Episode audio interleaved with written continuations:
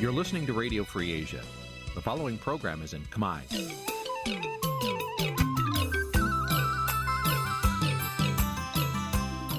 Nǐ chi càm bi tiệp xáy vệt chiu a zì sê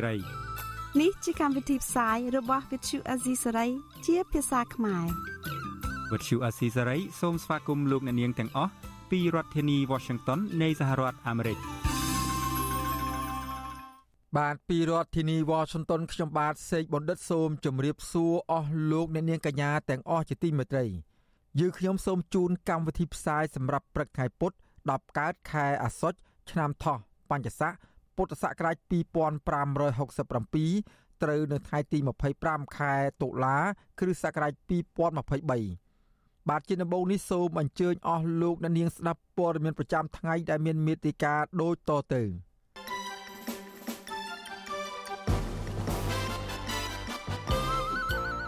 ពលរដ្ឋស្នើឲ្យរដ្ឋាភិបាលអនុវត្តកិច្ចព្រមព្រៀងសន្តិភាពទីក្រុងប៉ារីស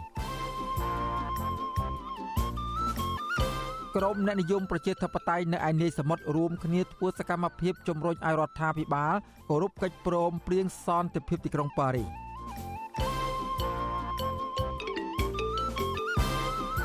គណៈបកភ្លើងទៀននឹងអាចចូលរួមការបោះឆ្នោតអសកលចំនួន2នៅក្នុងឆ្នាំ2024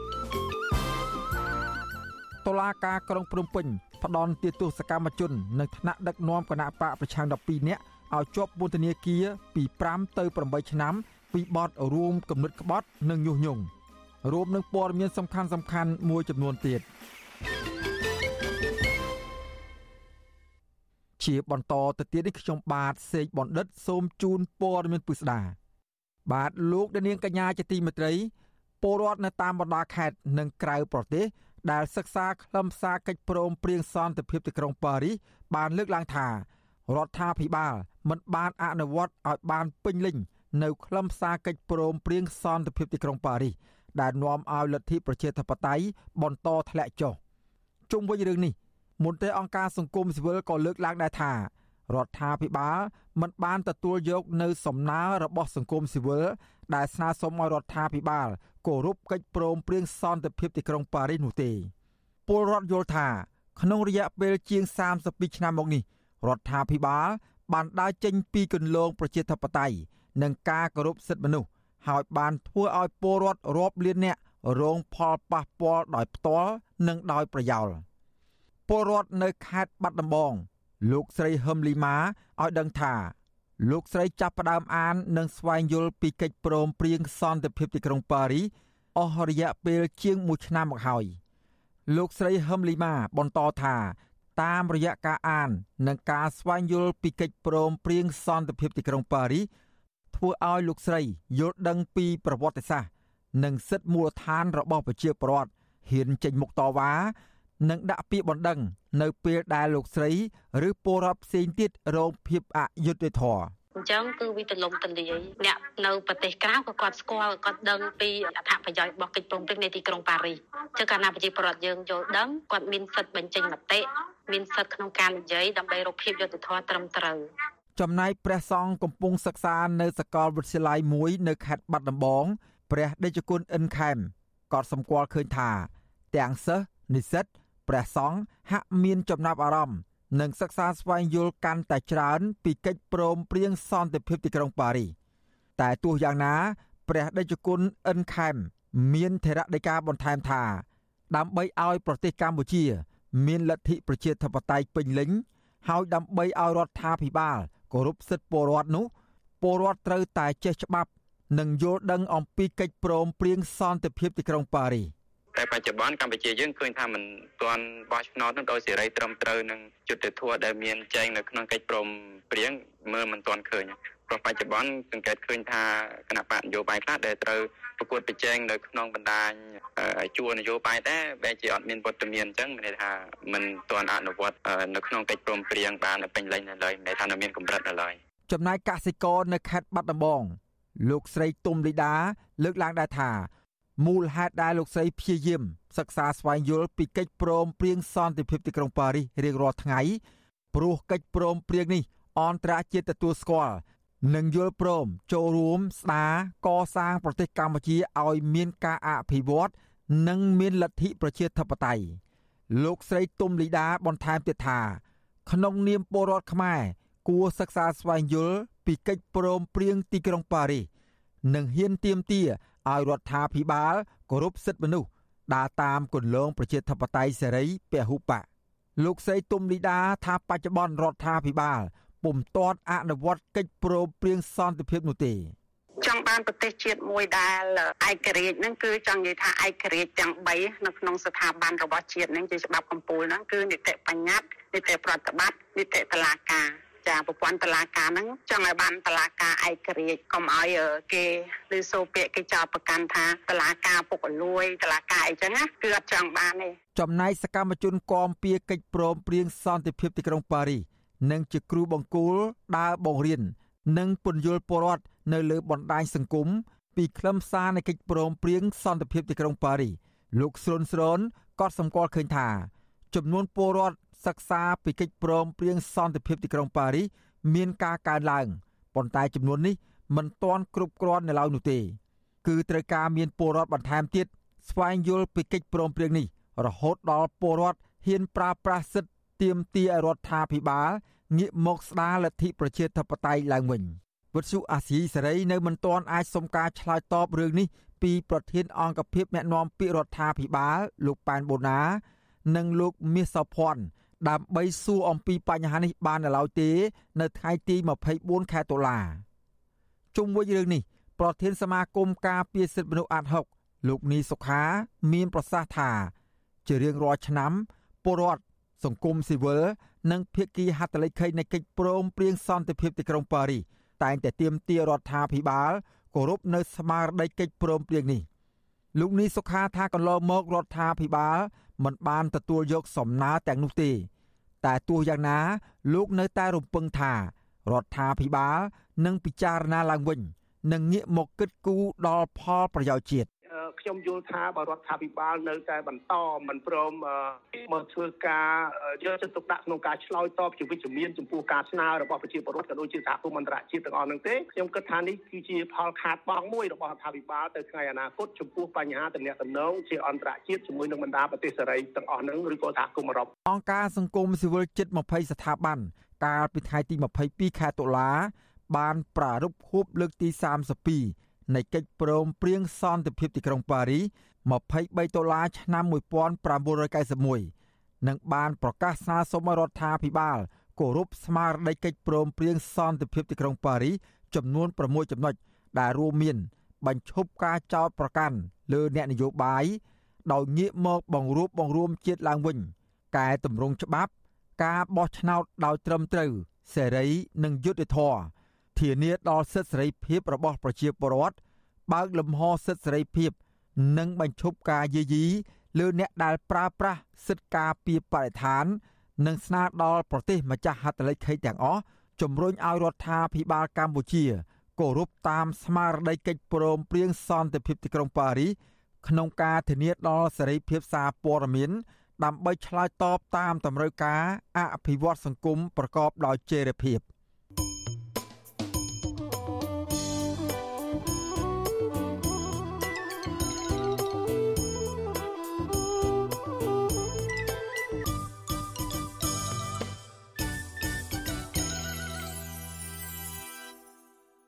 បាទលោកអ្នកនាងកញ្ញាជាទីមេត្រី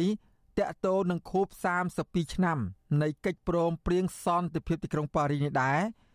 អ្នកប្រជាធិបតេយ្យអង្គការសង្គមស៊ីវិលនិងសហគមន៍ខ្មែរនៅឯនេសមុទ្រដែលបានរួមគ្នាធ្វើសន្និសីទរំលឹកខួប32ឆ្នាំនៃកិច្ចព្រមព្រៀងសន្តិភាពទីក្រុងប៉ារីសកាលពីពេលថ្មីៗនេះបានចេញសេចក្តីសម្រេចរួមចំនួន5ចំណុចក្នុងការលើកស្ទួយកិច្ចព្រមព្រៀងសន្តិភាពមួយនេះ ដើម្បីសម្រេចគោលដៅការពារតម្លៃជាតិខ្មែរយុទ្ធធរសង្គមបូរណភាពទឹកដីអធិបតេយ្យជាតិព្រមទាំងជំរុញការស្ដារប្រជាធិបតេយ្យនិងការគោរពសិទ្ធិមនុស្សសេចក្តីសម្រេចរួមទាំង5ចំណុចនោះរួមមាន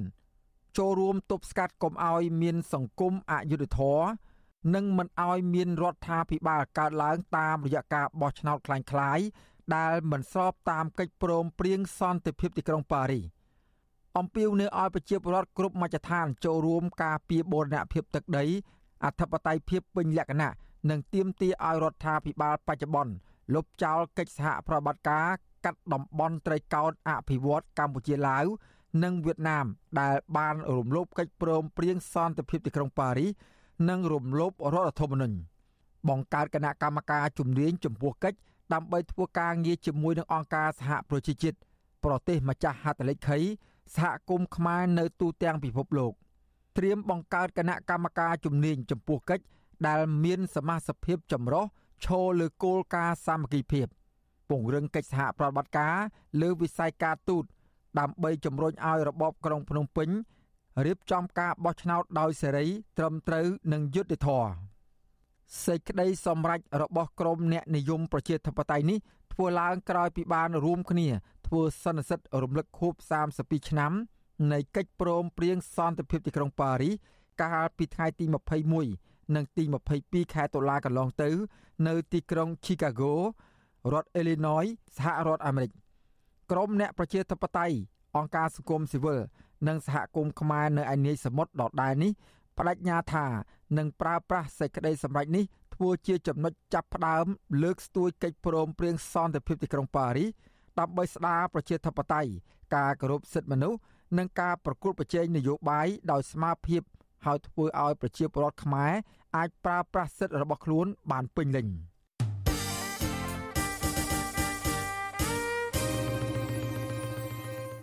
បាទលោកអ្នកនាងកញ្ញាជាទីមេត្រីតកតងនឹងគណៈបកប្រឆាំងក្រៅរដ្ឋាភិបាលវិញ មន្ត្រីគណៈបកភ្លើងទៀនអះអាងថាគណៈបកនេះនឹងអាចចូលរួមការបោះឆ្នោតសកលចំនួន2នៅក្នុងឆ្នាំ2024ខាងមុខដើម្បីរក្សាអង្គបោះឆ្នោតរបស់ខ្លួនដែលមានស្រាប់គណៈបកភ្លើងទៀននឹងបន្តដំណើរជាមួយគណៈបកសម្ព័ន្ធភាពមួយក្នុងចំណោមគណៈបក3ដើម្បីដាក់បញ្ជីបេក្ខជន និងឈរឈ្មោះក្នុងការបោះឆ្នោតនាពេលខាងមុខអ្នកឃ្លាំមើលការបោះឆ្នោតថា វិធីធ្វើនយោបាយថ្មីរបស់គណៈបកភ្លើងទៀននៅពេលនេះ ជាមធ្យោបាយឆ្លាតវៃដែលផ្ដល់ផលល្អក្នុងដំណើរការប្រជាធិបតេយ្យនៅកម្ពុជា បាទពីរដ្ឋធានីវ៉ាស៊ីនតោនលោកយ៉ងច័ន្ទរារាយការណ៍អំពីរឿងនេះគណៈបកភ្លឹងទៀនជ្រើសរើសគណៈបកនយោបាយមួយនៅក្នុងចំណោមគណៈបកសម្ព័ន្ធមិត្តទាំង3របស់ខ្លួនហើយដើម្បីបន្តដំណើររួមគ្នានៅក្នុងការចូលរួមការបោះឆ្នោតអសកលឆ្នាំ2024ខាងមុខ អ្នកនាំពាក្យគណៈបកភ្លើងទៀនលោកគឹមសួភិរិទ្ធឲ្យវិទ្យុអាស៊ីសេរីដឹងនៅថ្ងៃទី24ខែតុលាថាបើទោះបីជាគណៈបកភ្លើងទៀនជ្រើសរើសយកតែមួយនៅក្នុងចំណោមគណៈបកសម្ព័ន្ធរបស់ខ្លួនទាំង3ក្តីក៏ការសម្រេចនេះមានការព្រមព្រៀងគ្នាពីគណៈបកសម្ព័ន្ធមិត្តរបស់ខ្លួនរួចហើយក៏ប៉ុន្តែលោកគឹមសួភិរិទ្ធសូមមិនទាន់បង្ហាញឈ្មោះគណៈបកសម្ព័ន្ធដែលគណៈបកភ្លើងទៀនសម្រាប់ជ្រើសរើសយក ដើម្បីឲ្យឈរឈ្មោះជំនួសគណៈបកភ្លើងទៀនសម្រាប់ការបោះឆ្នោតខាងមុខនេះនៅឡើយទេលោកថាចំពោះគណៈបកសម្ព័ន្ធមិត្តផ្សេងទៀតក៏នឹងត្រូវធ្វើការងារជាមួយគណៈបកភ្លើងទៀនតាមលំដាប់លំដោយនៃការបោះឆ្នោតខាងមុខទៀតនេះដែរ។ ភារកិច្ចស្ដារលទ្ធិប្រជាធិបតេយ្យមិនមែនជាភារកិច្ចតែមួយគត់ដាច់មុខរបស់គណៈបកភ្លើងទៀនឯណាអញ្ចឹងយើងមាននយោបាយគឺយើងអាចនឹងធ្វើកិច្ចការហ្នឹងឆ្ពោះទៅគោលដៅរបស់យើងពីព្រោះអីភ្លើងទៀនគ្រាន់តែជានិមិត្តរូបទេអបហេតុរបស់ភ្លើងទៀនគឺការស្ដារឡើងវិញលទ្ធិប្រជាធិបតេយ្យអញ្ចឹងណាក៏ដោយឲ្យតែមានសង្កេតលោកគ្នាប្រហាក់ប្រហែលនៅភ្លើងទៀនភ្លើងទៀននឹងបំភ្លឺឲ្យអ្នកនោះឆ្ពោះទៅរកគោលដៅពីព្រោះគោលដៅរបស់យើងតែរួមតែមួយទៅខ្វល់អីតកតងទៅនឹងរឿងនេះវិទ្យុអាស៊ីសេរីមិនទាន់អាចសុំការថាធិប្បាយ ពីស្ថាបនិកនិងជាអនុប្រធានគណៈបកកែតម្រង់កម្ពុជា លោកអ៊ូច័ន្ទរតនិងប្រធានគណៈបកប្រជាធិបតេយ្យមូលដ្ឋាន លោកយេងវិរៈបានទេ នៅថ្ងៃទី24ខែតុលាជុំវិញរឿងនេះមន្ត្រីជាន់ខ្ពស់គណៈបកឆន្ទៈខ្មែរលោកផលស៊ីថុនប្រាប់ថាគណៈបកសម្ព័ន្ធមិត្តទាំង4ពិតជាបានជជែកគ្នាពីផែនការដែលគណៈបកភ្លើងទៀន ក្រុងជ្រើសរើសយកគណៈបកសម្ព័ន្ធមួយក្នុងចំណោមគណៈបកសម្ព័ន្ធចំនួន3ទៀតដើម្បីចូលរួមការបោះឆ្នោតឆ្នាំ2024ខាងមុខនោះមែនមន្ត្រីជាន់ខ្ពស់គណៈបកឆន្ទៈខ្មែររូបនេះក៏មិនទាន់សុំបង្ហាញឈ្មោះគណៈបកសម្ព័ន្ធមិត្តដែលគណៈបកភ្លើងទៀនជ្រើសរើសយកដើម្បីចូលរួមការបោះឆ្នោតនេះដែរក៏ប៉ុន្តែលោកថាគម្រោងនេះនឹងត្រូវបង្ហាញនៅចុងខែវិច្ឆិកាខាងមុខ យើងបានជជែកគ្នាថានឹងជ្រើសរើសយកគណៈបកមួយក្នុងសម្ព័ន្ធភាពហ្នឹងប៉ុន្តែច្បាស់ណាស់ថាយកតែក្នុងសម្ព័ន្ធភាពទេមិនយកក្រៅសម្ព័ន្ធភាពទេខ្ញុំមិនចង់និយាយឲ្យវែងខុសពីអ្វីដែលយើងបានព្រមព្រៀងថានឹងជ្រើសរើសយកគណៈបកមួយនៅពេលសប្តាហ៍ទី1ឬទី2ខាងមុខហ្នឹងបាទគណៈបកភ្លើងទៀនដែលបាត់បង់ឱកាសនៅក្នុងការចូលរួមការបោះឆ្នោតតំណាងរាស្ត្រកាលពីថ្ងៃទី23ខែកក្កដាឆ្នាំ2023កន្លងទៅនោះ បានបង្ហាញការបដិញ្ញាចិត្តថានឹងព្យាយាមរកយុទ្ធសាស្ត្រដើម្បីចូលរួមការបោះឆ្នោតអសកលឆ្នាំ2024ខាងមុខសេចក្តីប្រកាសព័ត៌មានរបស់គណៈបកភ្លើងទៀនកាលពីថ្ងៃទី20តុលាឲ្យដឹងថាគណៈបកនេះនឹងជ្រើសរើសយកគណៈបកសម្ព័ន្ធមិត្តរបស់ខ្លួនណាមួយដើម្បីរៀបចំបញ្ជីបេក្ខជនឈរឈ្មោះសម្រាប់ការបោះឆ្នោតជ្រើសតាំងសមាជិកព្រឹទ្ធសភានិងការបោះឆ្នោតជ្រើសរើសក្រុមប្រឹក្សារាជធានីខេត្តក្រុងស្រុកខណ្ឌឆ្នាំ2024ខាងមុខតកតងទៅនឹងរឿងនេះដែរ នាយកប្រតិបត្តិអង្គការឃ្លាំមើលការបោះឆ្នោតនៅកម្ពុជា ហៅកាត់ថា Netflix លោកសំគុណធីមីយល់ថារបៀបធ្វើការរបស់គណៈបកភ្លើងទៀនពេលនេះគឺជាយុទ្ធសាស្ត្រថ្មី និងជាផ្លូវល្អដើម្បីអាចឲ្យគណៈបកភ្លើងទៀនបន្តសកម្មភាពនយោបាយរបស់ខ្លួនលោកបន្តថាគណៈបកភ្លើងទៀនដែលមានអង្គបោះឆ្នោតស្រាប់ជាសមាជិកក្រុមប្រឹក្សាគុំសង្កាត់ជាង2000អាសនៈទូទាំងប្រទេសនឹងធ្វើឲ្យគណៈបកនេះទទួលបានកៅអីខ្លះនៅក្នុងក្រុមប្រឹក្សារាជធានីខេត្ត ក្រុងស្រុកខណ្ឌនិងនៅក្នុងព្រឹទ្ធសភាសម្រាប់ការបោះឆ្នោតអសកល ឆ្នាំ2024ខាងមុខល្អហ្នឹងទី1គាត់ចូលរួមបានគាត់មានអង្គបោះឆ្នោតស្រាប់ដោយសារគាត់មានសម្ព័ន្ធភាពគណៈបកនយោបាយមួយចំនួនដែលមានគោលបាយស្រៀងគ្នា3 4ហ្នឹងណានឹងគឺគឺគឺខលប្រយោជន៍ប្រជាធិបតេយ្យដែរណាគណៈបកហ្នឹងអាចរួមគ្នាធ្វើការរួមគ្នាណាដើម្បីលើកស្ទួយ democracy ហ្នឹងណាបាទគណៈបកភ្លើងទៀន ដែលមានសមាជិកក្រុមប្រឹក្សាគុំសង្កាត់ជាង2000អាសនៈទូទាំងប្រទេសត្រូវបានកោជបដែលស្ថិតនៅក្រោមឥទ្ធិពលរបស់គណៈបកកណ្ដាលអំណាចរារាំងមិនឲ្យចូលរួមការបោះឆ្នោតថ្នាក់ជាតិកាលពីថ្ងៃទី23ខែកក្កដាកន្លងទៅដោយចោទប្រកាន់ថាគណៈបកភ្លើងទៀនគ្មានលិខិតចុះបញ្ជីគណៈបកច្បាប់ដើមបើទោះបីជាគណៈបកមួយនេះបានចូលរួមការបោះឆ្នោតកាលពីឆ្នាំ2022រួចហើយក្តីអ្នកខ្លំមើលនយោបាយលើកឡើងថាគណៈបកភ្លើងទៀនកំពុងបោះជំហានថ្មីទៀត នៅក្នុងការរកច្រកចេញដើម្បីអាចចូលរួមការបោះឆ្នោតអសកល នៅឆ្នាំ2024ខាងមុខនិងការបោះឆ្នោតផ្សេងផ្សេងទៀតបើទោះបីជាគណៈបកកណ្ដាលអំណាចតែងតែធ្វើទុកបុកម្នេញលើសកម្មជន និងមន្ត្រីគណៈបកភ្លើងទៀនឥតស្រាកស្រានយ៉ាងណាក្តីខ្ញុំយ៉ងច័ន្ទដារាវិទ្យុអាស៊ីសេរី Washington បាទពាក់ព័ន្ធនឹងគណៈបកប្រឆាំងដដែលនេះសាលាដំបងរាជធានីភ្នំពេញ ប្រកាសសាលក្រមផ្ដន់ទោសកម្មជននិងថ្នាក់ដឹកនាំគណៈបកសង្គ្រោះជាតិ12នាក់ឲ្យជាប់ពន្ធនាគារពី5ទៅ8ឆ្នាំ ក្នុងសំណុំរឿង2បន្ថែមទៀតពីបទរួមគំនិតក្បត់និងញុះញង់គណៈសកម្មជនគណៈបកនេះម្នាក់ដែលបានចុះចូលជាមួយនឹងគណៈបកកណ្ដាលអំណាចត្រូវបានតុលាការព្យួរទោសឲ្យនៅក្រៅឃុំគ្រួសារនិងមន្ត្រីសិទ្ធិមនុស្សចាត់ទុកការសម្ដែងនេះ ថាជារឿងអយុត្តិធម៌និងជាការធ្វើទុកបុកម្នេញខាងនយោបាយលើសម្លេងប្រឆាំងបាទសូមស្ដាប់សេចក្តីរាយការណ៍របស់លោកទីនសាការីយ៉ាពីរដ្ឋធានីវ៉ាស៊ីនតោនប្រធានក្រុមប្រឹក្សាជំនុំជម្រះនៃសាលាដំបងរាជធានីភ្នំពេញលោកលីសុខានៅព្រឹកថ្ងៃទី24ដុល្លារបានប្រកាសសារក្រមផ្ដន្ទាទោសកម្មជននិងថ្នាក់ដឹកនាំគណៈបកសង្គ្រោះជាតិចំនួន12នាក់ពីបទរួមគណិតក្បត់និងញុះញង់បង្កភាពវឹកវរធ្ងន់ធ្ងរដល់សន្តិសុខសង្គម តាក់ទងនឹងការបង្ហោះសារនៅលើបណ្ដាញសង្គម Facebook កាលពីឆ្នាំ2021ការចោទប្រកាន់សកម្មជននិងថ្នាក់ដឹកនាំគណៈបកប្រឆាំងនេះតាក់ទងនឹងការរិះគន់អតីតថ្នាក់ដឹកនាំរដ្ឋាភិបាលទិញសញ្ជាតិបរទេសនៅប្រទេសស៊ីបនិងការអំពាវនាវឲ្យពលរដ្ឋផ្អាកសងបំណុលគ្រឹះស្ថានមីក្រូហិរញ្ញវត្ថុមួយរយៈពេលទាំងការទាំងដើមអំឡុងពេលការរាតត្បាតជំងឺ Covid-19 តឡាការចោទប្រកាន់តាមនំគណៈបកសង្គ្រោះជាតិនេះមាន4នាក់រួមមាន លោកសំរងស៊ីលោកអេងឆៃអៀងអ្នកស្រីមូសុហួរនិងលោកហូវ៉ាន់ជាដើមហើយតឡាការបានប្រកាសសារក្រម5តេតូកំបាំងមុខឲ្យជាប់ពន្ធនាគារ8ឆ្នាំ និងពិន័យជាប្រាក់ចំនួន4លានរៀលក្រៅពីនេះគឺដកហូតសិទ្ធិបោះឆ្នោតសិទ្ធិចូលឈ្មោះបោះឆ្នោតរយៈពេល5ឆ្នាំនិងចេញដីកាបង្គាប់ឲ្យចាប់ខ្លួនថ្នាក់ដឹកនាំទាំងនេះជាដើមចំណែកឯសកម្មជនដែលកំពុងជាប់ឃុំក្នុងពន្ធនាគារព្រៃសរវិញ រួមមានលោកវឿងសំណាង និងសកម្មជន6នាក់ផ្សេងទៀតកំពុងភៀសខ្លួននៅក្រៅប្រទេសរួមមានលោកនាងសុខុនលោកឈុនសុធី និងលោកអត្តវិចិត្រជាដើមតឡាការកាត់ទោសឲ្យជាប់ពន្ធនាគារចំនួន6ឆ្នាំ និងពិន័យជាប្រាក់ចំនួន4លានរៀលដែរក៏ប៉ុន្តែក្នុងចំណោមជនជាប់ចោតទាំង11នាក់នោះមានសកម្មជនម្នាក់ដែលបានចោះចូលជាមួយគណៈបកប្រជាជនកម្ពុជារបស់លោកហ៊ុនសែនកាលពីពេលថ្មីថ្មីនេះគឺលោកវុនវាសនា ត្រូវបានតុលាការកាត់ទោសឲ្យជាប់ពន្ធនាគារ5ឆ្នាំតែតម្រូវឲ្យអនុវត្តទោសដែលជាប់ឃុំបណ្ដោះអាសន្នកន្លងមកហើយទោសដែលនៅសល់ត្រូវព្យួរសាកល្បងរយៈពេល2ឆ្នាំក្រោយពេលតុលាការប្រកាសសាលក្រមភ្លាមភ្លាមនោះលោកវឿងសំណាង ពាក់អាវអ្នកជាប់ឃុំដៃជាប់ខ្នោះបានស្រែកនៅក្នុងបន្ទប់សាវនាការថាតុលាការកាត់ទោសឲ្យលោកជាប់ពន្ធនាគារ6ឆ្នាំបន្ថែមទៀតនេះគឺជារឿងនយោបាយនិងដាក់សម្ពាធលើលោកដែលកំពុងតែជាប់ឃុំ ហើយលោកចាត់ទុកការកាត់ទោសនេះគឺជារឿងអយុត្តិធម៌បន្ទាប់មកសមត្ថកិច្ចបានបញ្ជូនសកម្មជនគណបកប្រឆាំងរូបនេះទៅឃុំខ្លួននៅឯពន្ធនាគារវិញប្រពន្ធលោកវឿងសំណាង គឺលោកស្រីទៀងចិន្តា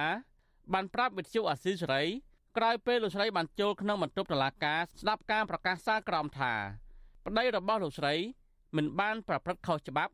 ដោយការចោទប្រកាន់របស់តុលាការនោះឡើយ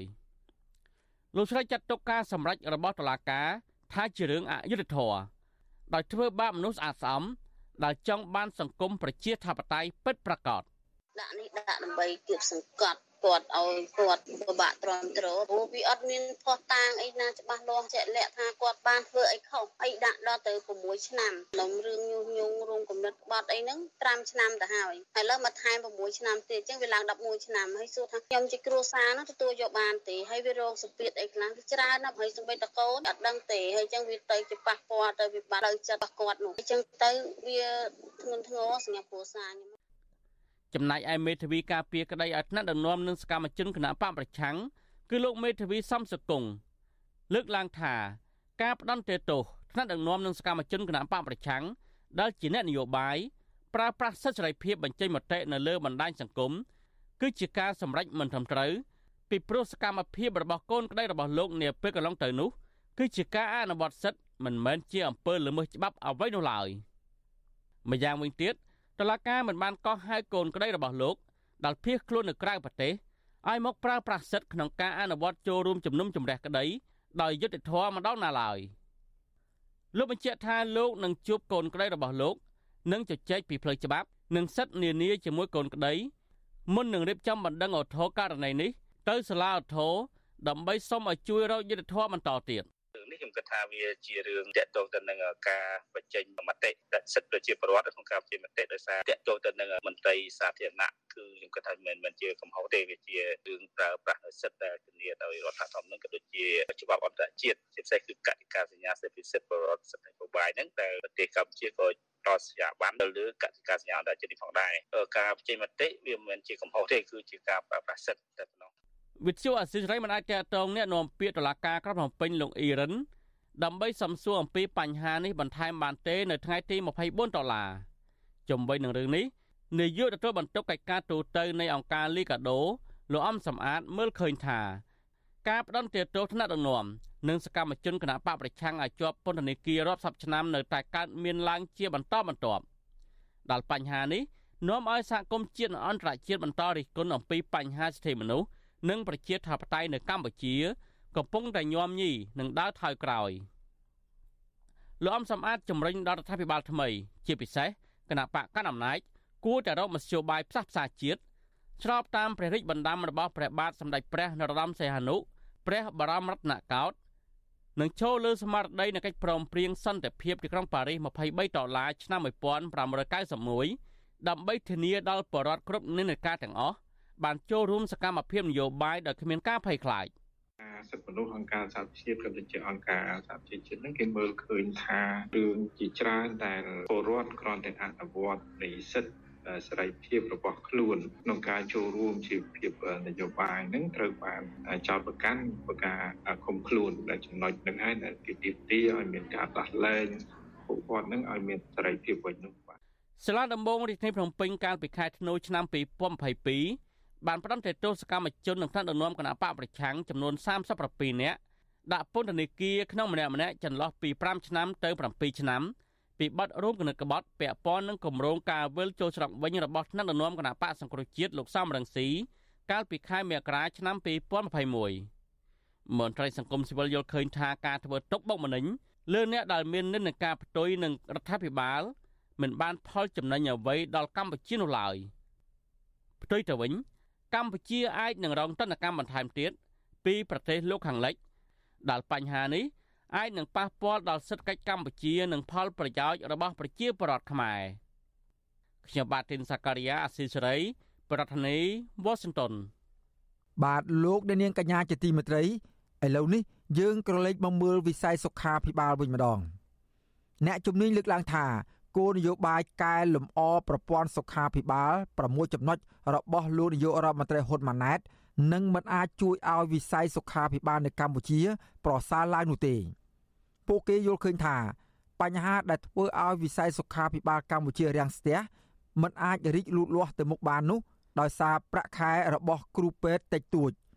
ការអនុវត្តច្បាប់ធូររលុងនិងបកពួកនិយមក្នុងវិស័យមួយនេះ បាទអ្នកស្រីសូជីវីមានសេចក្តីរាយការណ៍ដាច់ដライមួយទៀតជុំវិញព័ត៌មាននេះអ្នកជំនាញផ្នែកសុខាភិបាលលើកឡើងថាគោលនយោបាយកែលម្អវិស័យសុខាភិបាល6ចំណុចរបស់លោកហ៊ុនម៉ាណែតគឺជាសារដដែលដដែលដើរតាមគន្លងឪពុករបស់លោកគឺអតីតនាយករដ្ឋមន្ត្រីលោកហ៊ុនសែនដែលបានដាក់ចេញរួចទៅហើយក៏ប៉ុន្តែគ្មានប្រសិទ្ធភាពនោះទេអតីតមន្ត្រីជាន់ខ្ពស់នៃមន្ទីរសុខាភិបាលខេត្តបៃលិន និងជាមន្ត្រីគណៈបកភ្លើងទៀនលោកខឹមមនីកុសលប្រាប់វិទ្យុអាស៊ីសេរីនៅថ្ងៃទី24ខែតុលាថាធនធានមនុស្សនៅក្នុងវិស័យសុខាភិបាលរបស់រដ្ឋភាគច្រើនចូលធ្វើការងារតាមរយៈបកពួកនិយម និងប្រព្រឹត្តអំពើពុករលួយ បន្ថែមពីនេះលោកថាមន្ត្រីទាំងនោះធ្វើការងារដើម្បីបម្រើផលប្រយោជន៍បកជាជាងសុខភាពពលរដ្ឋលោកចាត់ទុកការណែនាំរបស់លោកហ៊ុនម៉ាណែតនេះថាគ្រាន់តែជាការធ្វើឲ្យតែល្អមើលនៅក្នុងក្រដាស់ និងមិនអាចជាទីពឹងរបស់ពលរដ្ឋខ្មែរបាននោះទេទីពេទ្យឬក៏ឯកជនឬក៏គ្រូពេទ្យដែលធ្វើខុសឆ្គងហើយហ្នឹងគឺគាត់មិនខ្លាចនឹងច្បាប់ខ្លាចនឹងទម្លាប់ទេដោយសារពួកគាត់ចូលទៅក្នុងតែសសយកគណៈបកប្រជាជនទៅរួចទេយើងឃើញកន្លងមកហើយណាជាបាលជំងឺស្លាប់ឃើញអីហ្នឹងអត់មានទោសអត់មានតន់ទេប៉ុន្តែបើអ្នកហ្នឹងហ៊ានតែលំអៀងទៅគណៈបកប្រឆាំងតែបន្តិចបិទចាប់ដាក់គុកបណ្ដោយគ្លីនិកអីហ្នឹង ការលើកឡើងរបស់អ្នកជំនាញសុខាភិបាលនេះធ្វើឡើងបន្ទាប់ពីលោកហ៊ុនម៉ាណែតដាក់ចេញគោលនយោបាយកែលម្អវិស័យសុខាភិបាល6ចំណុចនៅក្នុងពិធីសម្ពោធដាក់ឲ្យប្រើប្រាស់ជាផ្លូវការមន្ទីរពេទ្យជាតិដេជោសន្តិភាពនៅរាជធានីភ្នំពេញនៅព្រឹកថ្ងៃទី24ខែតុលាគោលនយោបាយទាំង6ចំណុចនោះរួមមាន ទី1យកចិត្តទុកដាក់ពង្រឹងមន្ទីរពេទ្យថ្នាក់មូលដ្ឋានឲ្យមានប្រសិទ្ធភាព ទី2លើកកម្ពស់រវាងក្រសួងនិងស្ថាប័ន ដើម្បីធានាមូលនិធិសមត្ថៈសម្រាប់គ្រួសារក្រីក្រ និងគម្រោងបេឡាសន្តិសុខសង្គមផ្នែកថែទាំសុខភាព ជាពិសេសត្រូវធានាឲ្យបានថាគ្មានពលរដ្ឋណាម្នាក់ត្រូវបដិសេធការទទួលបានសេវាថែទាំសុខភាពដោយសារតែគ្មានលទ្ធភាពបង់ថ្លៃសេវានោះឡើយទី3ក្រសួងត្រូវពង្រឹងការព្យាបាលទាំងអ្នកជំងឺនៅមន្ទីរពេទ្យរដ្ឋនិងឯកជនឲ្យបានខ្ពស់និងពង្រឹងការបណ្ដុះបណ្ដាលជំនាញទាំងផ្នែកសុខាភិបាលនិងទុន និងលើកទឹកចិត្តឲ្យគ្រូពេទ្យប្រកាន់ខ្ជាប់វិជ្ជាជីវៈទី4ក្រសួងសុខាភិបាលត្រូវសហការជាមួយនឹងក្រសួងពាណិជ្ជកម្មជាពិសេសក្រសួងមហាផ្ទៃ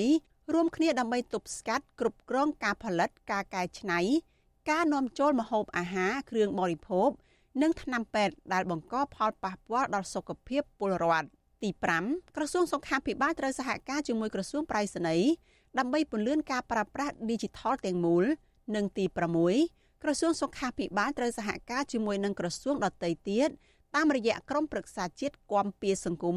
ដើម្បីពន្លឿនការដាក់ចេញផែនទីបង្ហាញឆ្ពោះទៅរកការគ្រប់គ្រងសុខភាពជាសកលនៅកម្ពុជាផែនទីបង្ហាញផ្លូវនេះចាំបាច់ត្រូវមានសកលភាពជាមួយក្របខ័ណ្ឌគោលនយោបាយ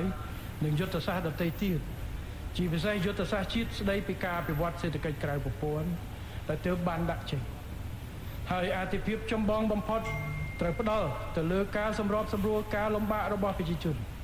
ខណៈដែលពួកគាត់ទទួលបាននូវសេវាសុខាភិបាលមួយប្រកបដោយគុណភាពជុំវិញរឿងនេះប្រធានសមាគមគ្រូពេទ្យគុណធម៌កម្ពុជា លោកវិជ្ជបណ្ឌិតអ៊ូចវុធី មានប្រសាសន៍ថាអនុសាសន៍របស់លោកហ៊ុនម៉ាណែតនេះនឹងមិនអាចកែលម្អវិស័យសុខាភិបាលបានទេប្រសិនបើរដ្ឋាភិបាលនៅតែអនុវត្តច្បាប់ផ្នែកសុខាភិបាលធូររលុង និងមិនដំឡើងប្រាក់ខែដល់គ្រូពេទ្យឲ្យបានសមរម្យនោះដល់ពេលយើងឈឺឡើងព្រឹបទៅស្រុកគេដល់ចឹងហើយអថវិកាលុយថវិកាជាតិហ្នឹងវាធ្លាក់ទៅស្រុកគេនោះទៅ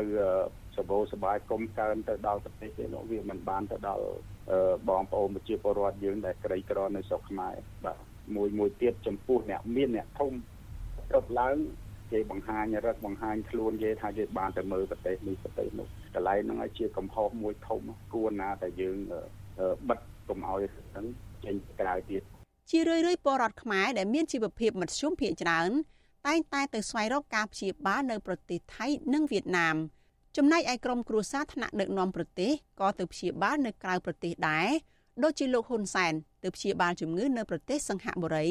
លោកសខេង ទៅព្យាបាលដល់ប្រទេសបារាំងចំណែកលោកទាបាញ់ទៅប្រទេសចិនជាដើមអ្នកជំនាញផ្នែកសុខាភិបាលលើកឡើងថាដើម្បីដោះស្រាយបញ្ហាទាំងនេះរដ្ឋាភិបាលត្រូវរឹតបន្តឹងការអនុវត្តច្បាប់ផ្នែកសុខាភិបាល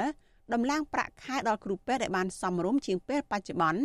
និងលុបបំបាត់អំពើពុករលួយព្រមទាំងពង្រឹងក្រមសីលធម៌វិជ្ជាជីវៈរបស់គ្រូពេទ្យឲ្យបានខ្ពស់បន្ថែមពីនេះរដ្ឋាភិបាលក៏គួរតែបើកទូលាយឲ្យអង្គការជាដៃគូ និងមន្ទីរពេទ្យឯកជនចូលរួមបណ្ដុះបណ្ដាលការយល់ដឹងនិងព្យាបាលជំងឺពលរដ្ឋដោយគ្មានការរើសអើងនាងខ្ញុំសុជីវី Vithu Azizi Serai ពីរដ្ឋធានី Washington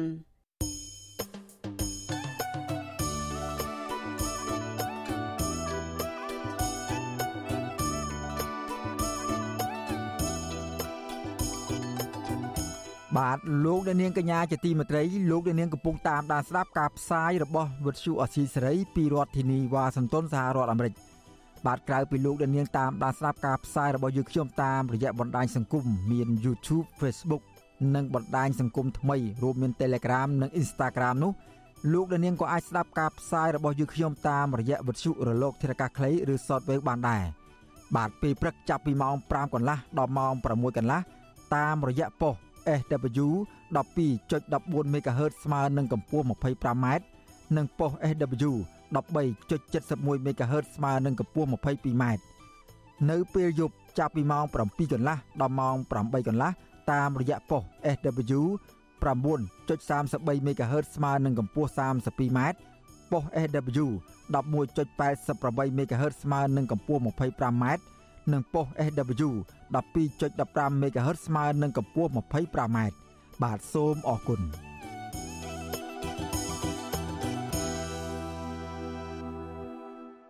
បាទលោកអ្នកនាងកញ្ញាជាទីមេត្រីសាលាដំបងរាជធានីភ្នំពេញនៅថ្ងៃទី24ខែតុលាពន្យាពេលសាកសួរសកម្មជនដេកធ្លីបឹងតមុក3នាក់ភ្លាមភ្លាមដោយមិនបានជូនដំណឹងជាមុន ពាក់ព័ន្ធនឹងសំណុំរឿងហិង្សា ដោយចេតនាមានស្ថានទម្ងន់ទោសនិងប្រឆាំងនឹងរាជការសាធារណៈតុលាការនៅមិនទាន់កំណត់ពេលជាក់លាក់សាកសួរលើសកម្មជនដេកធ្លីបឹងតមុកនៅឡើយទេមន្ត្រីសង្គមស៊ីវិលស្នើសុំឲ្យតុលាការទម្លាក់ចោលបទចោទប្រកាន់លើសកម្មជនដេកធ្លីទាំងអស់ឲ្យមានសេរីភាពឡើងវិញដើម្បីឲ្យពួកគាត់អាចមានលទ្ធភាពប្រកបមុខរបរចិញ្ចឹមជីវិតដោយគ្មានការរំខាន បាទសូមស្ដាប់សេចក្តីរាយការណ៍របស់លោកលេងម៉ាលីជុំវិញព័ត៌មាននេះដូចតទៅចៅក្រមស៊ើបសួរសាលាដំបងរាជធានីភ្នំពេញលោកយឹមសុគន្ធារាសម្រាប់លើកពេលសាកសួរសកម្មជនដេកធ្លីបឹងតមោកចំនួន3នាក់ក្នុងចំណោមសកម្មជនបឹងតមោក9នាក់រួមមានលោកស្រីសឿនស្រីសុតលោកស្រីសៀដាវី និងលោកស្រីប្រាក់សុភាដោយសារត្រូវបដូរចៅក្រមស៊ើបសួរក្រឡាបញ្ជី និងគ្មានបន្ទប់សម្រាប់សួរចម្លើយ សកម្មជនដេកធ្លីបឹងតមោកលោកស្រីសឿនស្រីសុតប្រាប់វិទ្យុអស៊ីសេរីនៅមុខតុលាការនៅថ្ងៃទី24តុលាថាលោកស្រីហួសចិត្តនឹងទង្វើរបស់តុលាការដោយលើកពេលសាកសួរភ្លាមភ្លាមដោយមិនបានជូនដំណឹងទុកជាមុនលោកស្រីបន្តថាការលើកពេលសាកសួរបែបនេះគឺធ្វើឲ្យខាតពេលវេលា និងប៉ះពាល់ដល់ការរកប្រាក់ចំណូលរបស់លោកស្រីពីព្រោះបច្ចុប្បន្នលោកស្រីកំពុងមានជីវភាពខ្វះខាតស្រាប់ផងពួកខ្ញុំអត់ អាចទទួលយកបាននៅការចាប់កាត់របស់ពួកគាត់ទេព្រោះអីក្នុងថ្ងៃកាត់ហេតុហ្នឹងខ្ញុំបានចូលកាន់ទូរស័ព្ទថតអត់បានធ្វើអីទាំងអស់ហើយគេពងអាធរពងកាត់ស្ពានពលរដ្ឋបានទុកស្កាត់គាត់គាត់យកអាណាងោងកវីប៊ីកាត់ត្រូវពលរដ្ឋទៀតតែពួកខ្ញុំមានវីដេអូ live ទៀតតែពួកគាត់ចោទថាខ្ញុំហ្នឹងនឹងបងសៀរាវីហ្នឹងយកឈើបំបុកអាញាធរហ្នឹងពាក្យហ្នឹងដែលគាត់ចោទហ្នឹងគឺវាមិនពិតទាំងអស់ព្រោះពួកខ្ញុំមានឃ្លីបវីដេអូ live កាលពីថ្ងៃទី6ខែកញ្ញាលោកស្រីសឿនស្រីសុទ្ធ និងប្តីគឺលោកសាយសារិទ្ធបានចូលបំភ្លឺនៅសាលាដំបងរាជធានីភ្នំពេញរួចម្ដងហើយពាក់ព័ន្ធនឹងសកម្មភាពតវ៉ារបស់ប្រជាពលរដ្ឋមិនអោយអាជ្ញាធររុះរើស្ពាន ដែលពួកគាត់សង់សម្រាប់ធ្វើដំណើរកាលពីថ្ងៃទី9ខែឧសភាស្រដៀងគ្នានេះ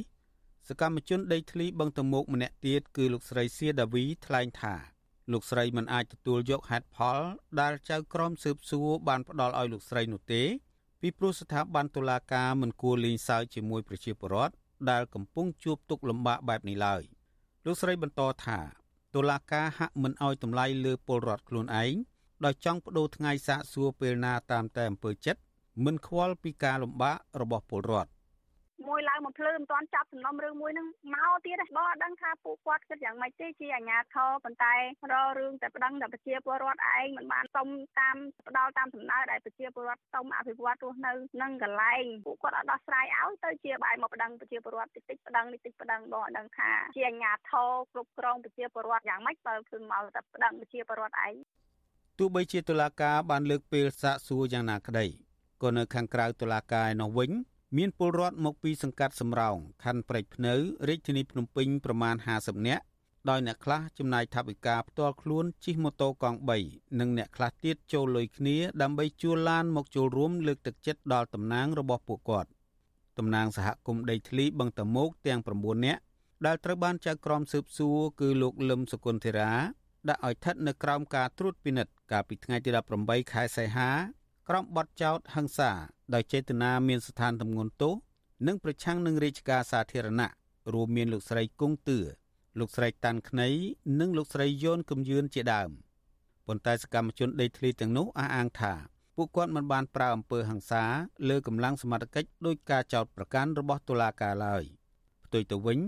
មានតែអាជ្ញាធរខណ្ឌព្រែកភ្នៅទេដែលតែងតែធ្វើទុកបុកម្នេញលើប្រជាពលរដ្ឋ ដែលរស់អាស្រ័យផលក្បែរបឹងតមោកជាច្រើនឆ្នាំដោយសារពួកគាត់មិនព្រមដោះដូរដីទៅឲ្យក្រុមហ៊ុនឯកជនដើម្បីសាងសង់បុរីនិងវិឡាយកទៅធ្វើជាកម្មសិទ្ធិឯកជនវិទ្យុអស៊ីសេរីមិនអាចតាក់ទងแนะនាំពាក្យសាលាដំបងរាជធានីភ្នំពេញលោកអ៊ីរ៉ាននិងអភិបាលខណ្ឌព្រែកភ្នៅលោកថឹមសំអានដើម្បីសុំការបកស្រាយជុំវិញបញ្ហានេះបានទេ នៅថ្ងៃទី24តុលាជុំវិញបញ្ហានេះដែរ អ្នកសម្របសម្រួលគម្រោងធុរកិច្ចនិងសិទ្ធិមនុស្សរបស់មជ្ឈមណ្ឌលសិទ្ធិមនុស្សកម្ពុជា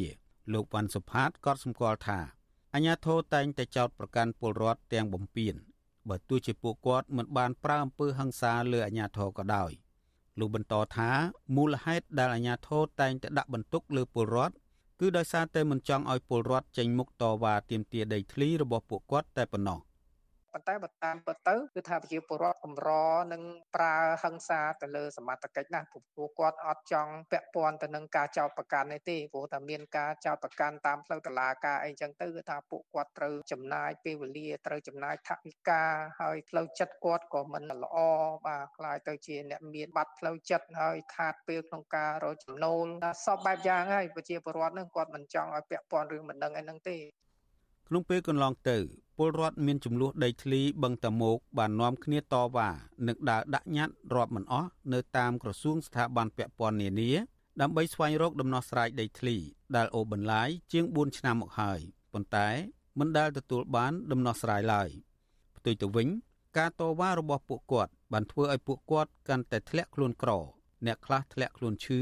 អ្នកខ្លះភៀសខ្លួនទៅក្រៅប្រទេសដោយសារការតាមយាយីពីជនមិនស្គាល់មុខ ហើយអ្នកខ្លះទៀតត្រូវបានតុលាការកោះហៅឲ្យទៅឆ្លើយបំភ្លឺជាច្រើនលើកជាក់ស្ដែងសកម្មជនដីធ្លីបឹងតមោកម្នាក់គឺលោកស្រីប្រាក់សុភា បានភៀសខ្លួនទៅប្រទេសថៃដើម្បីរក្សាសុវត្ថិភាព បន្ទាប់ពីអាជ្ញាធរតាមឃ្លាំមើលនិងប្រមានចាប់ខ្លួនលោកស្រីដាក់ពន្ធនាគារ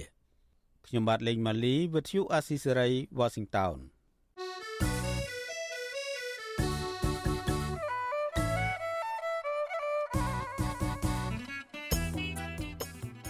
បាទលោកនាងកញ្ញាជាទីមេត្រីក្រៅពីការតាមដានស្ដាប់ការផ្សាយរបស់វិទ្យុអស៊ីសេរីតាមបណ្ដាញសង្គម Facebook YouTube Telegram លោកអ្នកនាងក៏អាចតាមដានស្ដាប់ការផ្សាយរបស់យើងខ្ញុំតាមរយៈបណ្ដាញសង្គម Instagram របស់វិទ្យុអស៊ីសេរីតាមរយៈតំណភ្ជាប់ www.instagram.com/rfa ខ្មែរ វិទ្យុអសីស្រីបន្តខិតខំផ្សព្វផ្សាយព័ត៌មានពិតទៅកាន់បងប្អូនតាមរយៈបណ្ដាញសង្គមផ្សេងផ្សេងនិងសម្បូរបែបដើម្បីលោកដានាងងាយស្រួលតាមដានការផ្សាយរបស់វិទ្យុអសីស្រីគ្រប់ពេលវេលា និងគ្រប់ទីកន្លែង តាមរយៈទូរស័ព្ទរបស់អស់លោកដានាង បាទសូមអរគុណ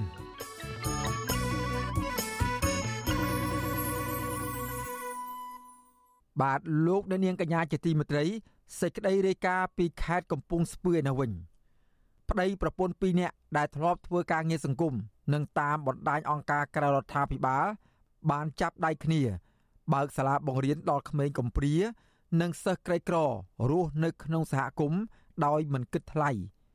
ប៉ុន្តែពួកគាត់ខ្វះការលើកទឹកចិត្តពីអាជ្ញាធរពាក់ព័ន្ធទៅវិញមន្ត្រីអង្គការសង្គមស៊ីវិលយល់ឃើញថាអាជ្ញាធរមូលដ្ឋាន គួរមានការលើកទឹកចិត្តនិងសហការជាមួយអ្នកទាំងពីរ ដើម្បីបម្រើផលប្រយោជន៍សង្គមទាំងអស់គ្នា បាទយើងប្រកូលនេតិនេះជូនដល់លោកយ៉ងច័ន្ទដារា មានសេចក្តីរាយការណ៍លម្អិតអំពីរឿងនេះសាលាបង្រៀនសហគមន៍មួយកន្លែងស្ថិតនៅភូមិត្រពាំងលៀនឃុំព្រៃក្រសាំងស្រុកសាមគ្គីមនីជ័យខេត្តកំពង់ស្ពឺ មានប្តីប្រពន្ធមួយគូ គឺលោកជឿនបណ្ឌិត និងលោកស្រីយមធីតាបង្កើតបានជាសាលាសហគមន៍សន្តិភាពសម្រាប់ជួយបង្រៀនក្មេងៗក្នុងឃុំដែលពួកគេគ្មានលទ្ធភាពចូលរៀននៅសាលាឯកជន ស្ថាបនិកសាលាសហគមន៍សន្តិភាពលោកស្រីយមធីតារៀបរាប់ប្រាប់វិទ្យុអាស៊ីសេរីថាជិត10ឆ្នាំមកហើយដែលលោកស្រីបង្កើតសាលានេះឡើងដើម្បីទុកសម្រាប់ជួយបង្រៀនដល់ក្មេងៗនិងយុវជនចំនួនក្រោយដែលឪពុកម្ដាយគ្មានលទ្ធភាពបញ្ជូនកូនរបស់ពួកគាត់បានទៅសាលារៀនល្អដូចគេលោកស្រីយមធីតាឲ្យដឹងថាលោកស្រីបានសម្រេចឲ្យស្វាមីរបស់លោកស្រីបោះបង់ការងារដែលមានប្រាក់ខែខ្ពស់ឲ្យមកជួយបង្រៀននៅក្នុងសហគមន៍ ដំបូងពួកគេមិនទទួលបានការចាប់អារម្មណ៍ពីអ្នកភូមិឡើយដោយមានសិស្សមករៀនមិនបាន10នាក់ផងក៏ប៉ុន្តែបច្ចុប្បន្ននេះលោកស្រីថាប្រជាពលរដ្ឋនៅក្នុងឃុំបានបញ្ជូនកូនមករៀននៅសាលារបស់លោកស្រីកាន់តែច្រើនលើសពីការស្មានដោយសារតែអាណាព្យាបាលរបស់សិស្សមួយចំនួនមិនសូវមានថវិកាឲ្យកូនទៅរៀននៅសាលាឯកជនដែលតម្រូវឲ្យបង់លុយច្រើននោះទេរីឯសាលាសហគមន៍របស់លោកស្រីវិញ នៅតែទទួលបង្រៀនបើទោះបីជាមេដាបៃតាសិស្សមិនមានថវិកាបង់វិភាគទានដល់សាលាក្តី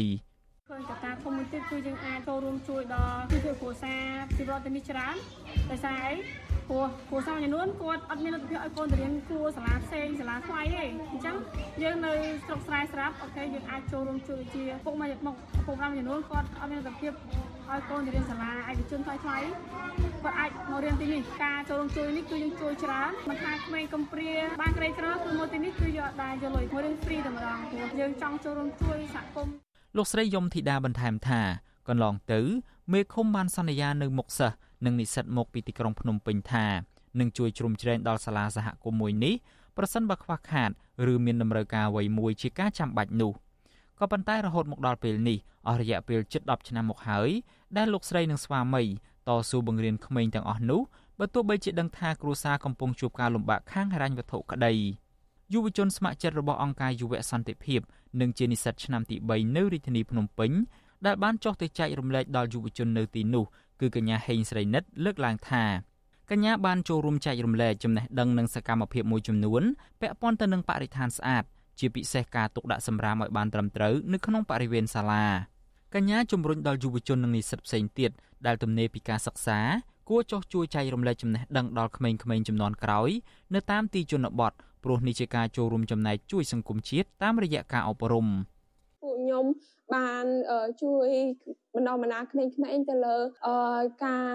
ប្រើប្រាស់ការទុកដាក់សម្រាមរបៀបនៃការកែច្នៃសម្រាមឡើងវិញ ដែលធ្វើឲ្យពួកគាត់បានយល់ដឹងហើយបានយកចំណេះដឹងទាំងប្រមាណដែលពួកខ្ញុំបានបរៀននឹងទៅអនុវត្តសកម្មភាពប្រចាំថ្ងៃរបស់ពួកគាត់លោកស្រីយមធីតាឲ្យដឹងថាក្រៅពីបង្រៀននៅសាលារបស់ខ្លួនហើយ លោកស្រីក៏ជាគ្រូបង្រៀនសាលាបឋមសិក្សានៅក្នុងភូមិនេះដែរក៏ប៉ុន្តែលោកស្រីត្រូវឆ្លៀតបង្រៀនដល់ក្មេងទាំងនោះថែមទៀតនៅពេលមកដល់ផ្ទះវិញក្រោយពីសិស្សច្រើនចូលមករៀននៅសាលាសហគមន៍សន្តិភាពលោកស្រីក៏អំពាវនាវដល់អ្នកពាក់ព័ន្ធនិងអ្នកធ្វើការខាងវិស័យអប់រំឲ្យជួយជ្រោមជ្រែងនិងផ្ដល់ជំនួយជាសិភៅសិក្សាដល់សាលានិងការចែករំលែកចំណេះដឹងផ្សេងៗដល់ក្មេងៗនៅទីនោះពីព្រោះបច្ចុប្បន្នសាលាកំពុងខ្វះខាតគ្រូបង្រៀន។ ឲ្យយុវជនមនុស្សដែលបន្តការសិក្សានៅភ្នំពេញមកគាត់ពេលទំនេរច្រើនគាត់អាចស្ម័គ្រចិត្តមិនថាសាលាខ្ញុំទេសាលាណាឲ្យទាំងប្រទេសបើសិនជាមានពេលទំនេរពីការសិក្សាយើងអាចឆ្លៀតទៅស្ម័គ្រចិត្តមួយសប្តាហ៍ពីរសប្តាហ៍ដើម្បីបើគាត់បានចូលរួមជួយច្រើនដើម្បីជាយើងវាចម្រើនតាមថ្ងៃរិស័យយុវជនមានការគិតខ្ពស់មានការគិតច្រើនអញ្ចឹងគាត់មកចែករំលែកនៅអ្វីដែលគាត់បានរៀននោះឯងគឺជាការផ្លាស់ប្ដូរមួយល្អផ្លាស់ប្ដូរដោយវិជ្ជមាននៅក្នុងសង្គមរបស់យើងជុំវិញរឿងនេះ នាយកអង្គការសម្ព័ន្ធគណនេយ្យភាពសង្គមកម្ពុជា លោកសនជ័យយល់ឃើញថាម្ចាស់ស្ថាប័ននិងអាជ្ញាធរគួរសហការគ្នាហើយជជែកគ្នាដើម្បីស្វែងរកដំណោះស្រាយរួមគ្នាមួយដើម្បីជាប្រយោជន៍ដល់សង្គមលោកបន្ថែមថាប្រសិនបើក្រមយុវជនឬក៏និស្សិតចង់ចែករំលែកជំនាញដែលខ្លួនមានទៅកាន់យុវជនដទៃទៀតគួរតែមានការលើកទឹកចិត្តដល់ពួកគេពីព្រោះរឿងដែលពួកគេបានធ្វើនេះសុទ្ធសឹងតែជាប្រយោជន៍សម្រាប់សង្គមជាតិទាំងអស់គ្នារីឯក្រមយុវជនទាំងនោះ ក៏ត្រូវសហការជាមួយអាជ្ញាធរមូលដ្ឋានដែរជាការងារបែបស្ម័គ្រចិត្តហើយវាគួរតែមានការលើកទឹកចិត្តដល់ពួកគេដែលលើកទឹកចិត្តហ្នឹងដើម្បីពីព្រោះឲ្យពួកអ្វីដែលពួកគេធ្វើហ្នឹងគឺរួមចំណែកទៅដល់ការអភិវឌ្ឍធនធានមនុស្សនៅតាមសហគមន៍ជាពិសេសនៅតំបន់ដែលអ្នកផ្សេងគេខ្វះលទ្ធភាពទៅដល់អីជាដើមហ្នឹងជុំវិញរឿងនេះដែរមេឃុំព្រៃក្រសាំងលោកតនស័កទទួលស្គាល់ថាសាលាសហគមន៍សន្តិភាព ពិតជាបានជួយបណ្ដុះបណ្ដាលដល់យុវជននៅក្នុងឃុំឲ្យល្អប្រសើរពិតមែនក៏ប៉ុន្តែខាងអាជ្ញាធររបស់លោកមិនទាន់មានអ្វីជួយដល់ពួកគាត់នោះទេលោកសន្យាថានៅឆ្នាំខាងមុខអាជ្ញាធរឃុំនឹងមានជាកាដូសម្រាប់យុវជនរូបណាដែលរៀនពូកែហើយនឹងជួយជ្រោមជ្រែងឲ្យអស់ពីលទ្ធភាពខ្ញុំឧបត្ថម្ភអត់ទាន់មានទេប៉ុន្តែជ្រោមជ្រែងរៀងរាល់កម្មវិធីដែលគាត់ធ្វើរៀងមកគឺចូលរួមរហូតប៉ុន្តែថាការ គាត់ពងឬក៏ជួយអត់ណាអត់មានទាន់បានទេបាទអឺក្នុងឆ្នាំនេះអត់ទាន់មាននេះដោយសារយើងថាឱកាសហ្នឹងវាអត់ទាន់នេះតែមើលឆ្នាំក្រោយក្រោយទៀតទៅនឹងគូខ្ញុំគិតឃើញជាពិសេសរង្វាន់ក្មេងពីលេខ1ដល់លេខ3ហ្នឹងខ្ញុំមានកម្រងហើយបើទោះបីជាលោកស្រីយមធីតានិងស្វាមីលោកជឿនបណ្ឌិតមិនមានជីវភាពធូរធារយ៉ាងណាក្តីក៏ពួកគាត់តស៊ូមិនបោះបង់នៅឆន្ទៈនៅក្នុងការបណ្ដុះបណ្ដាលដល់ក្មេងចំនួនក្រោយ ឲ្យមានចំណេះដឹងសម្រាប់ជួយសង្គមជាតិនោះដែរពួកគាត់បានបណ្ដុះបណ្ដាលយុវជនជាច្រើនដែលបច្ចុប្បន្នយុវជនទាំងនោះកំពុងបន្តការសិក្សាតាមសាកលវិទ្យាល័យនៅរាជធានីភ្នំពេញខ្ញុំយ៉ងច័ន្ទដារាវិទ្យុអាស៊ីសេរី Washington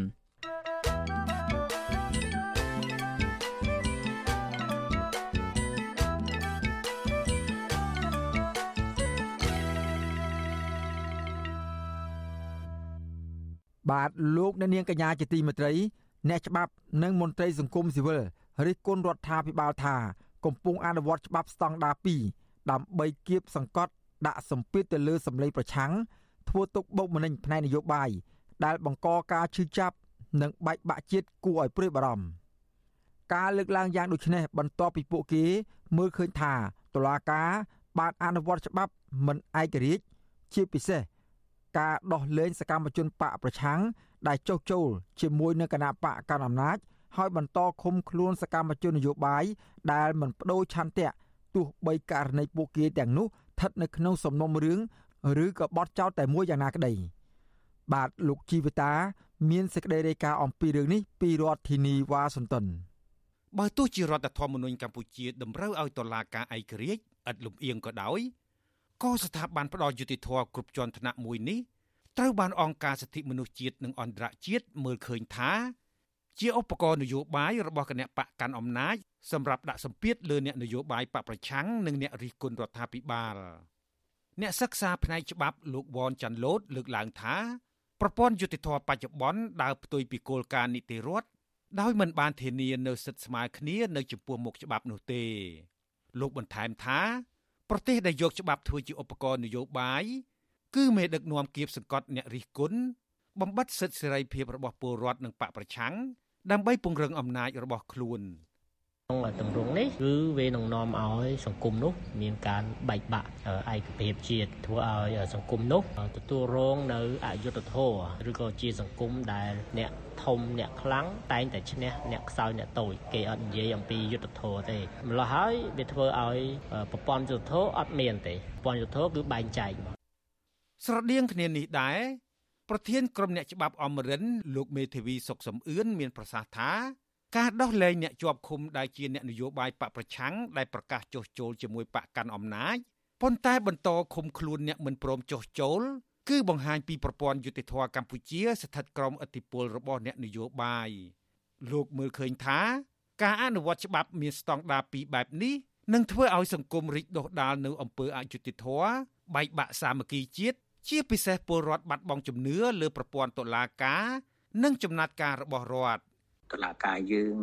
អញ្ញាធមមានសមត្ថកិច្ចក្តីជាសមាជិកគណៈបកនយោបាយតែអញ្ចឹងទៅគឺការ កាត់សេចក្តីឬក៏ការធ្វើការរបស់គាត់វាលំអៀងទៅរកបកគាត់ដែរអញ្ចឹងណាបាទប្រសិនដូច្នេះប្រសិនបើការអនុវត្តច្បាប់នឹងបានតឹងរឹងមិនធ្វើឲ្យស្ថាប័នទាំងអស់នោះឯករាជ្យអភិជាប្រទេសវាប្រកាសជាការសម្រេចនឹងវាលំអៀងតាមបកហើយវាចង់ចង់គឺវាអញ្ចឹងលោកមេធាវីសុកសំអឿនបញ្ជាក់ថាដើម្បីឲ្យប្រព័ន្ធយុតិធធម៌លែងនៅក្រមអ្នកនយោបាយតទៅទៀតនោះគឺចៅក្រមមិនត្រូវជាសមាជិកគណៈបកនយោបាយហើយគណៈបកនយោបាយ មិនត្រូវជ្រៀតជ្រែកទៅក្នុងកិច្ចការរបស់ឧត្តមក្រុមប្រឹក្សានៃអង្គចៅក្រមនោះដែរប្រតិកម្មរបស់អ្នកច្បាប់យ៉ាងដូចនេះធ្វើឡើងបន្ទាប់មួយរយៈពេលចុងក្រោយនេះមានការរៀបចំឲ្យអ្នកជាប់ឃុំដែលជាសកម្មជនគណៈបកប្រឆាំងចុះចូលជាមួយគណៈបកប្រជាជនកម្ពុជា ជាថ្នូរនឹងការទទួលបានសេរីភាព បានក៏ក្រើកឡើងវិញ ជាក់ស្ដែង មន្ត្រីគណៈបកភ្លើងទៀនរួមមានលោកលីរី លោកឋានណារិន និងអ្នកស្រីវងរុននីជាដើមត្រូវបានតុលាការជួយឲ្យពួកគេរួចផុតពីការចោទប្រកាន់ឬទទួលបានការដោះលែងឲ្យមានសេរីភាពខណៈពួកគេកំពុងជាប់បទចោទនៅតុលាការឬកំពុងជាប់ឃុំនៅក្នុងពន្ធនាគារពីបទញុះញង់ឲ្យប្រជាពលរដ្ឋគូសសัญลักษณ์ឆ្នោតចោលក្តីហើយអ្នកខ្លះទៀតទទួលបានការងារក្នុងក្របខ័ណ្ឌរដ្ឋឬតួនាទីក្នុងជួររដ្ឋាភិបាលថែមទៀតផងទោះជាយ៉ាងណា តុលាការមិនបានយកករណីដែលនៅក្នុងសំណុំរឿងដូចដូចគ្នា ឬបទចោទតែមួយនោះទៅអនុវត្តបែបនេះលើអ្នកជាប់ឃុំនយោបាយផ្សេងទៀតដែលពួកគេរក្សាជំហររឹងមាំមិនផ្លាស់ប្ដូរឆន្ទៈនយោបាយហើយសុកចិត្តនៅបន្តជាប់ឃុំឧទាហរណ៍ប្រពន្ធសកម្មជនគណបកសង្គ្រោះជាតិដែលកំពុងជាប់ឃុំនៅពន្ធនាគារព្រៃសរគឺលោកស្រីទៀងចិន្តានៅតែចាត់ទុកការចាប់ខ្លួនប្តីរបស់អ្នកស្រី លោកវឿងសំណាង ដាក់គុកជិត2ឆ្នាំមកនេះគឺជាការធ្វើទុកបុកម្នេញផ្នែកនយោបាយដោយសារតែប្រព័ន្ធតុលាការមិនឯករាជ្យលោកស្រីឲ្យដឹងទៀតថា នៅក្នុងពន្ធនាគារប្តីលោកស្រីពុំដែលទទួលបានការព្យាបាលជំងឺត្រឹមត្រូវនោះទេ គឺមានតែមនុស្សមួយចំនួន តែងតែតាមបញ្ចុះបញ្ចូលអូសទាញឲ្យប្តីលោកស្រីចុះចូលជាមួយគណៈបកកាន់អំណាចដោយសន្យាជាធ្នូនឹងការដោះលែង ប៉ុន្តែប្តីលោកស្រីនៅតែរក្សាជំហររឹងមាំដដែលអឺបាត់ចោតដូចគ្នាក៏ប្រហែលប្រហែលគ្នាតែគេបានចេញភាសាគេចុះចូលឬក៏គេរួមការងារអីចឹងទៅហើយគេបានចេញតែសម្រាប់ប្តីខ្ញុំគាត់អត់គាត់នៅតែខាងចំហគាត់គាត់អត់ព្រមចុះចូលគេទៅគេនៅតែបន្តដាក់សំណុំរឿងថ្មីថ្មីខ្ញុំអត់ដឹងថាគេនឹងបន្ថែមពីបទរឿងអីថែមទៀតឲ្យគាត់ទៀតទេដោយសារគាត់នៅតែចំហរឹងមាំដដែលអញ្ចឹងណា ជាមួយគ្នានេះដែរប្រពន្ធប្រធានចលនាយុវជនថ្នាក់ជាតិនៃគណៈបកភ្លើងទៀនដែលកំពុងជាប់ឃុំ គឺលោកស្រីថៃចន្ទធូរៀបរាប់ថាតុលាការក្រុងភ្នំពេញបានផ្តន្ទាទោសប្តីលោកស្រី គឺលោកខឿនវិរៈឲ្យជាប់ពន្ធនាគារ2ឆ្នាំដោយគ្មានកំហុសក្រោយពេលប្តីលោកស្រីពុំព្រមចុះចូលជាមួយគណៈបកកាន់អំណាចកាលនៅមានសេរីភាពមិនតែប៉ុណ្ណោះទោះបីប្តីលោកស្រីកំពុងជាប់ឃុំក្នុងពន្ធនាគារក៏ដោយចុះក៏មានអ្នកតាមអូសទាញឲ្យធ្វើលិខិតសុំទោស ដើម្បីបដូរនឹងការដោះលែងដែរតែប្តីលោកស្រីតែងតែច្រានចោលជាបន្តបន្ទាប់លោកស្រីថាច់ចន្ទធូស្នើដល់រដ្ឋាភិបាលនិងតុលាការឲ្យដោះលែងប្តីលោកស្រីរួមទាំងអ្នកទោសមនសិការទាំងអស់ដោយគ្មានសម្ពាធលក្ខខណ្ឌអ្វីទាំងអស់ទៅអា ហើយយុទ្ធភ័ណ្ឌលើប្តីខ្ញុំហើយប្តីខ្ញុំអត់បានខុសអីរឿងអីទេប្តីខ្ញុំជាគណៈខ្មែរក្រមទាំងមួយដែរគាត់ចេះឈឺចាប់ទឹកដីមកគាត់ដែរហើយដល់ពេលយើងឈឺចាប់គ្រឿងគេពីខ្មែរក្រមមួយហើយយើងទៅចោះចូលគេទៀតមានន័យថាយើងហ្នឹងតែយើងទទួលកំហុសដែលយើងបានប្រព្រឹត្តវិទ្យុអាស៊ីសេរីមិនអាចតាក់ទងអ្នកនាំពាក្យក្រសួងយុតិធធលោកចិនម៉ាលីននិងប្រធានអង្គភិបអ្នកនាំពាក្យរដ្ឋាភិបាលលោកប៉ែនបូណា ដើម្បីឆ្លើយតបរឿងនេះបានទេនៅថ្ងៃទី22តុលាប៉ុន្តែអតីតនាយករដ្ឋមន្ត្រីនិងជាប្រធានគណៈបកប្រជាជនកម្ពុជា លោកហ៊ុនសែនធ្លាប់អះអាងថា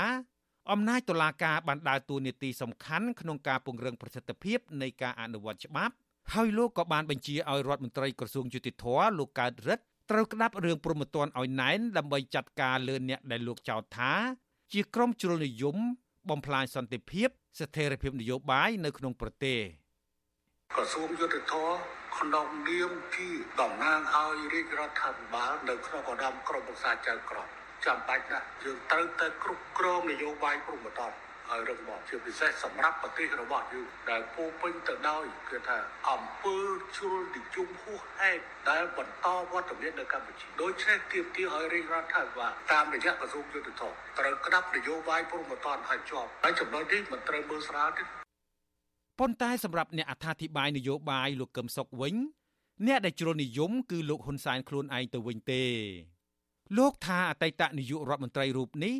បានប្រើប្រាស់ប្រព័ន្ធតុលាការជាអាវុធចាប់សកម្មជនបរិស្ថាន អ្នកនយោបាយបកប្រឆាំងមន្ត្រីសហជីពនិងអ្នកសារព័ត៌មានដាក់គុកតាមអំពើចិត្តគិតត្រឹមខែតុលាឆ្នាំ2023នេះមានសកម្មជននយោបាយសកម្មជនសិទ្ធិមនុស្សសហជីពនិងដីធ្លីជាង40នាក់កំពុងជាប់ឃុំ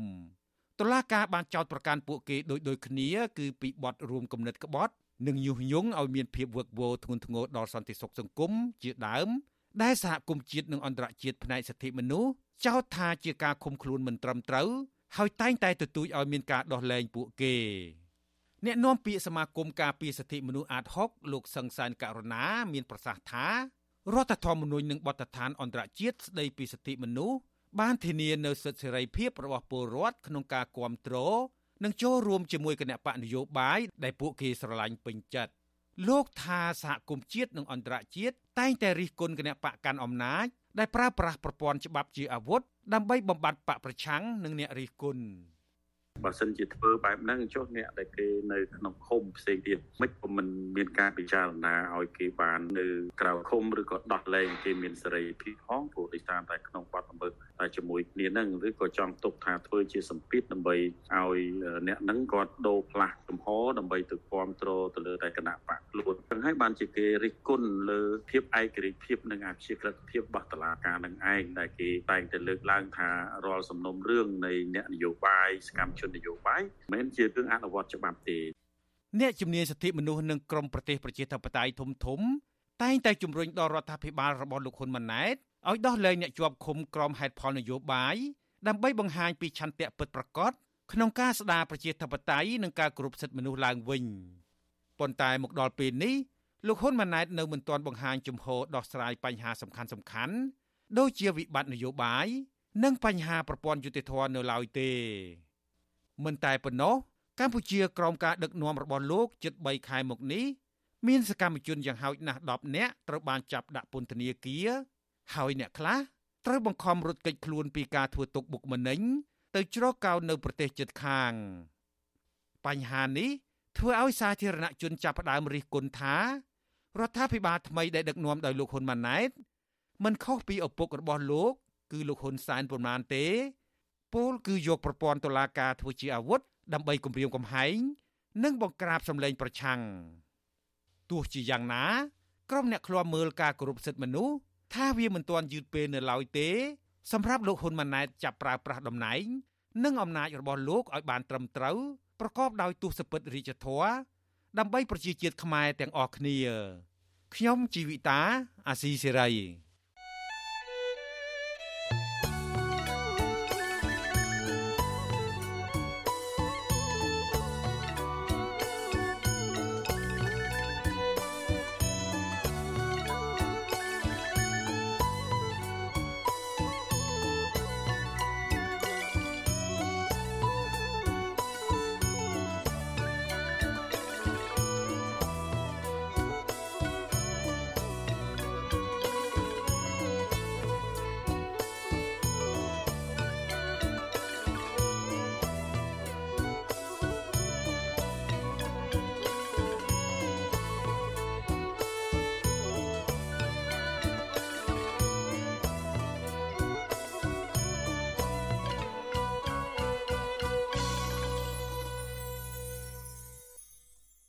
បាទលោកអ្នកនាងកញ្ញាជាទីមេត្រី ការផ្សាយរបស់វិទ្យុអសីសេរីសម្រាប់ព្រឹកថ្ងៃពុធនេះបានឈានដល់ទីបញ្ចប់ហើយយើងខ្ញុំសូមជូនពរដល់អស់លោកអ្នកនាងឲ្យជួបប្រកបតែនឹងសេចក្តីសុខចម្រើនរុងរឿងកំបីគ្លៀងគ្លាឡើយខ្ញុំបាទសេកបណ្ឌិតព្រមទាំងក្រុមការងារទាំងអស់របស់វិទ្យុអសីសេរីសូមអរគុណនិងសូមជម្រាបលា